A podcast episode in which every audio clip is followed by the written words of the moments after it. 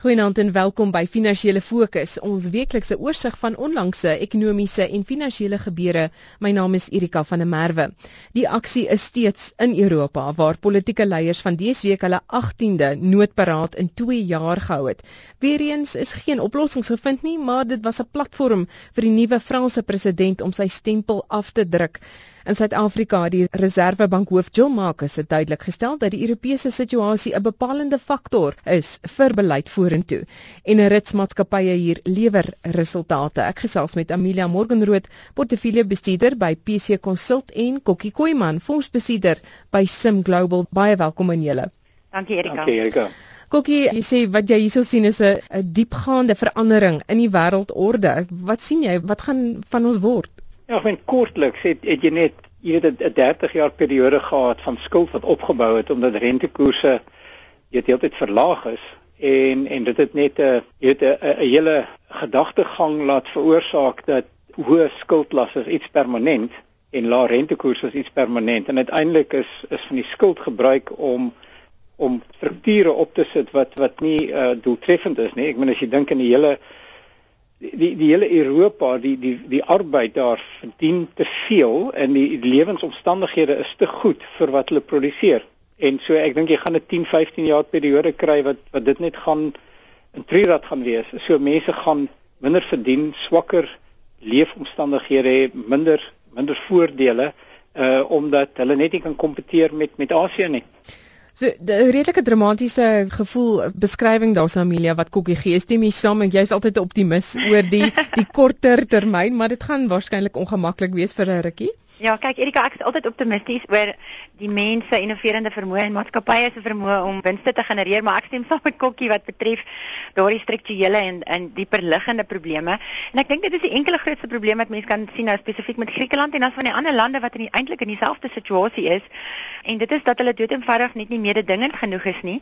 En hoewel hulle nou skuldverligting kry en skuld hulp kry met hulle skuld, is dit nie volhoubaar nie want selfs met al die skuld op wat hulle kry, is groei steeds nie vir hulle moontlik nie omdat hulle nie meer dingend is nie en sonder groei is die skuldlas van hulle net nie volhoubaar nie. En daar is sekere oplossings natuurlik. Ook het dit ook ehm um, gesê hoe hulle dit kan oplos en dit is dat arbeid die koste van arbeid byvoorbeeld moet afkom, maar dit sal natuurlik baie oproer onder mense veroorsaak. Ek weet nie of hulle dit sal aanvaar dat dit so gaan wees en dat hulle daardie pyn sal vat, want dit sal natuurlik jare van resessie in 'n spesifieke land beteken om dit reg te kry. Een van die eerste goed wat ek dink wat moet gebeur is dat hulle geldeenheid moet verswak. En indien Griekeland nou byvoorbeeld in die eurozone bly, gaan hulle hulle geldeenheid gaan nie gaan nie verswak wesenlik nie want Duitsland is, is steeds baie sterk en die Europese sentrale bank is nie baie aggressief op monetêre verligting ingestel nie. So dit gaan beteken dat dit nie op daardie manier gaan regkom nie dat hulle die pyn sal moet vat en ja, ek is ek is onseker of hulle bereid sal wees om dit te doen. So Kokkie, eh, Europa sit in 'n penarie, die arbeidsmarkstrukture, regulering en natuurlik die feit dat hulle een wisselkoers het, die een kan nie sy wisselkoers laat verswak om dan sodoende meer mededingend te raak nie. So die oplossing wat gebied is tot nou toe is fiskale konsolidasie. Die vraag is hoe ver gaan 'n mens met daardie konsolidasie? Die nuwe Franse president Hollande reken dit beteken dit moet beweeg tot 'n situasie van die gesamentlike uitreiking van skuld deur die Europeërs. Angela Merkel staan dit teen. Ja. Ek meen jy weet dit is soos my kinders wat uh sê maar nou heeltyd erns kredietkaart gekry het en lekker geleef het en nou skuld opgebou het en um, ek vir hulle sê wel ek gaan nie verder die skuld vir julle aflos nie. Hulle sê maar jy jy moet want ons moet hierdie lewensstandaard volhou. Ek sê maar jy weet julle moet ophou so leef en julle moet hier langs aan uh, om die hoek brood koop en daarvan leef. Maar jy weet dit is presies dieselfde. Daar's mense wat net ver bo hulle lewensstandaard geleef en nou wil hulle lande wil verdere stimuleringspakkette. Ek het uh, in Amerika uh, verlede week geluister na uh, een van die senior uh, amptenare van die van die Bundesbank van Duitsland en hy het baie duidelik gesê en hy was heeltemal reg dat jy gaan net verdere lenings kry as dit sê jy Frankryk is, dit sê jy Spanje is by die finansiële gemeenskap wanneer jy eers vertroue het En die vertroue gaan eers kom as jy jou pakket wat jy op besluit het deurvoer. En as jy elke keer soos Griekeland dit weer wil verander of jy wil meer skuld hê, maar jy weet dit gaan op projekte wat nie gaan die situasie verbeter nie, dan gaan die finansiële markte nie vir jou geld leen nie. Dus Hollande kan praat soveel as hy wil. Ek dink net die finansiële markte as hy daai beleid gaan voer, gaan net nie vir hom of gaan hom baie hoë rentekoerse vra. Dus dis sy beleid is is nie uitvoerbaar nie en hy gaan vreeslik vassit met met Merkel dus dit beteken jy gaan nou twee spalt in Europa kry wat nog meer onsekerheid teweegbring. So in die kort termyn wat dit beteken vir vervaardigers is jy jy stel net jou bestellings uit. En jy jy's onseker so jy gaan geen planne optrek of geen verdere orders plaas tot jy eers sekerheid het nie. Uh dis ek dink jy gaan 'n hele verlangsaming kry in die ekonomie vir 'n hele paar maande in die wêreldekonomie. En dit het ons gesien Amelia met die nuutste aankope besieders indekse in Europa wat beweeg het tot op 'n vlak waar dit nog steeds op die vlak is eerder waar dit duidelik is dat daar inkrimping is in die vervaardigingssektor in Europa en dit sluit Duitsland in. Ons het 'n uh, redelike matige BBP groei syfer gesien vir Duitsland in die eerste kwartaal nou wel beter as die vorige twee kwartale, maar nie lewenslustig nie. En dan ook die vreemde reaksie in die markte uh, met hierdie die vlug, die soeke na 'n veilige hawe, die opbrengskoerse op Duitse skuld na Amerika Amerikaanse skuld wat laer en laer beweeg. Ja, ek dink Erika op hierdie stadium word Duitsland as 'n veilige hawe beskou, so weet in 'n in 'n groot mate saam met Amerika. Dis waarom ons daardie rekord lae koerse sien. Ehm um, dit is 'n duidelike simptoom van die onsekerheid in die in die markte. En ek dink weet dit gaan voortduur nog vir 'n hele tyd want die Grieke gaan eers op die 17de Junie uh, weer ehm um, verkiesing hou en dan moet nog die uitslag kry en dan moet daar nou jy weet dan moet nou nuwe planne gemaak word. Intussen is dit so 'n uh, wipplankryerry in die markte. Ehm um, maar dit is duidelik uit die syfers wat uitgereik word dat die meeste lande in die eurozone reeds weer in resessie gegaan het en dat dat daar nie veel van 'n of, of weet nie te veel lig in die tonnel vir hulle is nie. En ek dink dit gaan nou vir 'n hele ruk gaan hierdie onsekerheid voortduur totdat daar sekerheid is vir Griekland. Ek dink almal wag en wonder of daar nie dalk 'n moontlike ordelike uittrede uit die Eurogebied gaan wees voordat daar nog 'n verkiesing kom nie wat so min as moontlik ekonomiese pyn kan meebring nie. En almal kyk en wag om te sien asof dit eerder 'n lang uitgerekte wanordelike basis gaan gebeur, want ek dink daar begin al hoe meer en meer 'n besef kom in die wêreld en by analiste, ekonome is dat Griekeland basies nie in die eurozone kan bly nie omdat dit nie vir hulle moontlik is om hulle produktiwiteit te herstel nie. En ek dink solank as wat hierdie situasie voortduur, gaan daar nie te veel wees om na uit te sien en gaan ons waarskynlik nie weer sterk lopies in die markte kry nie. Maar um, Erika, dit is baie interessant ek het gaan kyk na die na die syfers van die van die van die hoofindekse in die wêreld.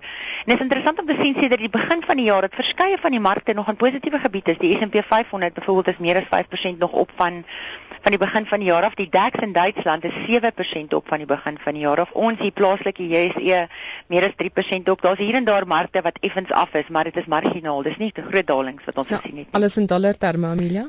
Ehm um, ja, ek het maar gaan kyk na ehm um, in dollar terme. Die die plaaslike mark natuurlik uit ek nou in rand terme gekyk. So dit sal die situasie so 'n bietjie verander met ons rand wat natuurlik baie baie verswak het um, in die laaste weke. Maar dit sal ons nou moet sien of dit so gaan bly want ehm um, elke nou en dan is daar 'n bietjie van 'n opflikkering. Dan verstewig ons rand weer, maar ek dink daar's ook ehm, 'n um, algemene gevoel dat as jy net gaan kyk na die koopkragpariteit van tussen ons en Europa, die euro en die Amerikaanse dollar behoort ons rand nie so sterk te wees nie teenoor die Amerikaanse dollar is ons berekening meer hier nader na 9 toe en teenoor die euro selfs na 13 toe. Kokkie, hier is nou juis van die kwessies waarmee ons Reservebank worstel. Jill Marcus het juis baie van hierdie taal gebruik wat Amelia nou na verwys het. Die situasie in Griekeland as dit op 'n wanordelike manier gebeur, sy uittrede uit die Europese streek, kan dit uitspoel, uitkring na ons toe, nie net na ekonomiese groei nie, maar miskien nog meer kommerwekkend na 'n rand wat baie skerp verswak en dan so deurvloei na hoër inflasie. Ja, kyk, eh, die die kommerwekkende wat besig om te gebeur in Europa uh, die laaste tyd is jy het groot deposito uitvloeye uh, veral uit Griekeland maar ook dit begin al hoe meer in Spanje en ook selfs al begin in Frankryk en Italië omdat beleggers wat deposito's by banke het is net bang dat môre word hy wakker en byvoorbeeld in Griekeland dat hy agterkom maar uh, nou skielik is dit deposito's in dragma wat van die van die waarnemers reken dit kan 50 tot 70% laer wees. Nou dit is bietjie ekstreem maar kom ons sê jou jou deposito's in euro terme dit halveer. Dit dit beteken dan skuif jy liewer maar gou jou jou jou deposito's na na Deutsche Bank of na Barclays. Uh, hulle is nogal twee groot uh, ontvangers van deposito's op hierdie stadium. En dieselfde ook in in Spanje is Deposante bang dat uh, die bank waar hulle deposito's het, daar kan omval. Nou goed, nou is staan die staat teoreties agter agter die bank, maar die staat se finansies is in so gemors dat hy dalk nie deposante kan betaal nie. So jy weet Met ander woorde, jy het 'n vlug van deposito's en jy het ook 'n vlug van buitelandse kapitaal Dis wat besig om te gebeur. Jou hele eurozone wat veronderstel was om sinergie te skep, is weer besig om in individuele blokke op te deel om die Spaanse bank kan nie meer deposito's van buite kry nie. So hy moet nou um, intern finansier. Hy verloor intern deposito's, so hy hy kan nie meer eintlik leen nie. So uh, hmm.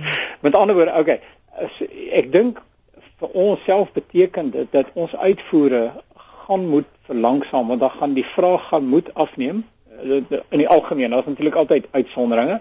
En ek dink jou gevaar dan is as jou uitvoere afneem en jou invoere bly redelik sterk dat jou handelsbalans kan kan verander. Maar ek dink wel daar is 'n vlug na veiligheid en dit kan die rand ook verder verswak.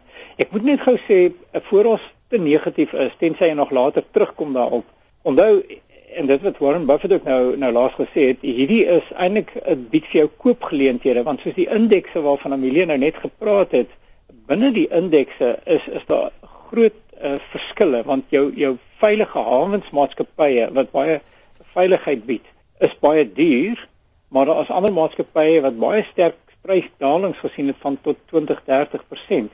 Dus daar is 'n gaping besig uh, weer eens ook in die markte waar waar beleggers al meer in die veilige aandele belê wat al hoe duurder raak en maar dit gee jou ontsaglike goeie koopgeleenthede vir maatskappye wat goed is maar wat net deur die sentiment afgedruk word. Amelia, kan 'n mens redeneer dat as jy soek na maatskappye wat vir jou veilige hawe bied, is dit nie noodwendig die gewone tipe defensiewe maatskappye nie, maar miskien diegene wat vir jou blootstelling gee aan ontluikende markte waar die groei beter gaan wees. Ek dink aan SA Brouwerye met sy voljaar syfers verdien se 12% sterker en dis danksy Asië, Latyn-Amerika en Afrika. En Vodacom nog 'n voorbeeld, hy is nog grootendeels in Suid-Afrika, maar hy kyk na Afrika. Ja, Erika, ek dink dit is die redding van baie van ons plaaslike maatskappye is dat hulle reeds in Afrika in beweeg het. Baie baie van ons maatskappye, ek sien selfs uh, eh, Mr Price wat ook 'n goeie stel resultate hierdie week gepubliseer het. Hulle is sterk besig om in Afrika uit te brei. Hy het sy eerste toetswinkel in Nigerië oopgemaak. Ehm um, daar's ook 'n winkel in Ghana en ehm um, hulle hulle dryf weer is in daardie rigting. En dis baie van ons plaaslike maatskappye doen dit en natuurlik ook van die internasionale maatskappye. Hulle sien Afrika, Indië, China almal as as as plekke waar daar nog groei kan wees. Ek dink nie dit is 'n onbekende feit vir enige iemand in die wêreld dat dat Europa en selfs Amerika waarskynlik baie baie gedempte groei gaan hê en dat dit nie is waar maatskappye alle weet hulle groot groei gaan aanteken nie. So daar's 'n baie groot dryf in hierdie rigting in Afrika in. Ek dink jy weet dit is dit is wat ek van praat heel aan die begin van ons gesprek gepraat het die innoverende aard van die mens is om altyd na nuwe maniere te vind om winste vir die maatskappy te genereer en en ons kan baie bly wees daaroor want as ons almal sou vaskyk en negatief sou wees oor 'n situasie soos Griekeland, kan jy net dink hoe hoe verskriklik dit sou wees. En ek dink tog selfs hierdie die hele Griekse situasie maak nou nie saak watter kant dit uitspeel nie, selfs al sou Griekeland dan uh, die eurozone uh, verlaat. Dit sou baie ek dink dit sou baie kortstondige hm pyn beteken vir vir, vir sekere partye vir vir jou weet daar sal natuurlik banke en finansiële instellings wees wat baie groot verliese sal vat en dit sal die sentiment in die wêreld te kortstondig um, negatief raak. Maar dan sal dit weer dan sal dinge wat maar weer aangaan jy weet daar's daar's duisende ander maatskappye wat nie blootstelling daaraan het nie en wat nie daardeur geraak sal word nie wat Amelia gesê het is heeltemal reg miskien net 'n skitterende voorbeeld is die die aandeel Apple. Apple het in 2007 was hy op uh, eh, 200 dollar. Hy het gedurende 2008 almal bang was geval na 100 dollar en daarna het hy gegaan na wel ek hy seker nou nog rond by 600 dollar. So Apple was baie innoverend, maar tydens die krisis was almal bang en het Apple afverkoop en dit was eintlik 'n ongelooflike koopgeleentheid en selfs as hom voor die krisis gekoop het, het hy daarna nog 300% opgegaan. Jy weet, ek dink hierdie hierdie tipe krisis gee vir jou geleenthede. Amelia Kokkie baie dankie. Amelia Morgenrood is 'n portefeuljebestuurder by PC Consult. Kokkie Koeman 'n fondsbestuurder by Sim Global. My naam is Erika van der Merwe. Dankie dat jy deel was van hierdie gesprek. Ons maak volgende Sondag aan 20 voor 9 weer so. 'n geseënde week vorentoe totsiens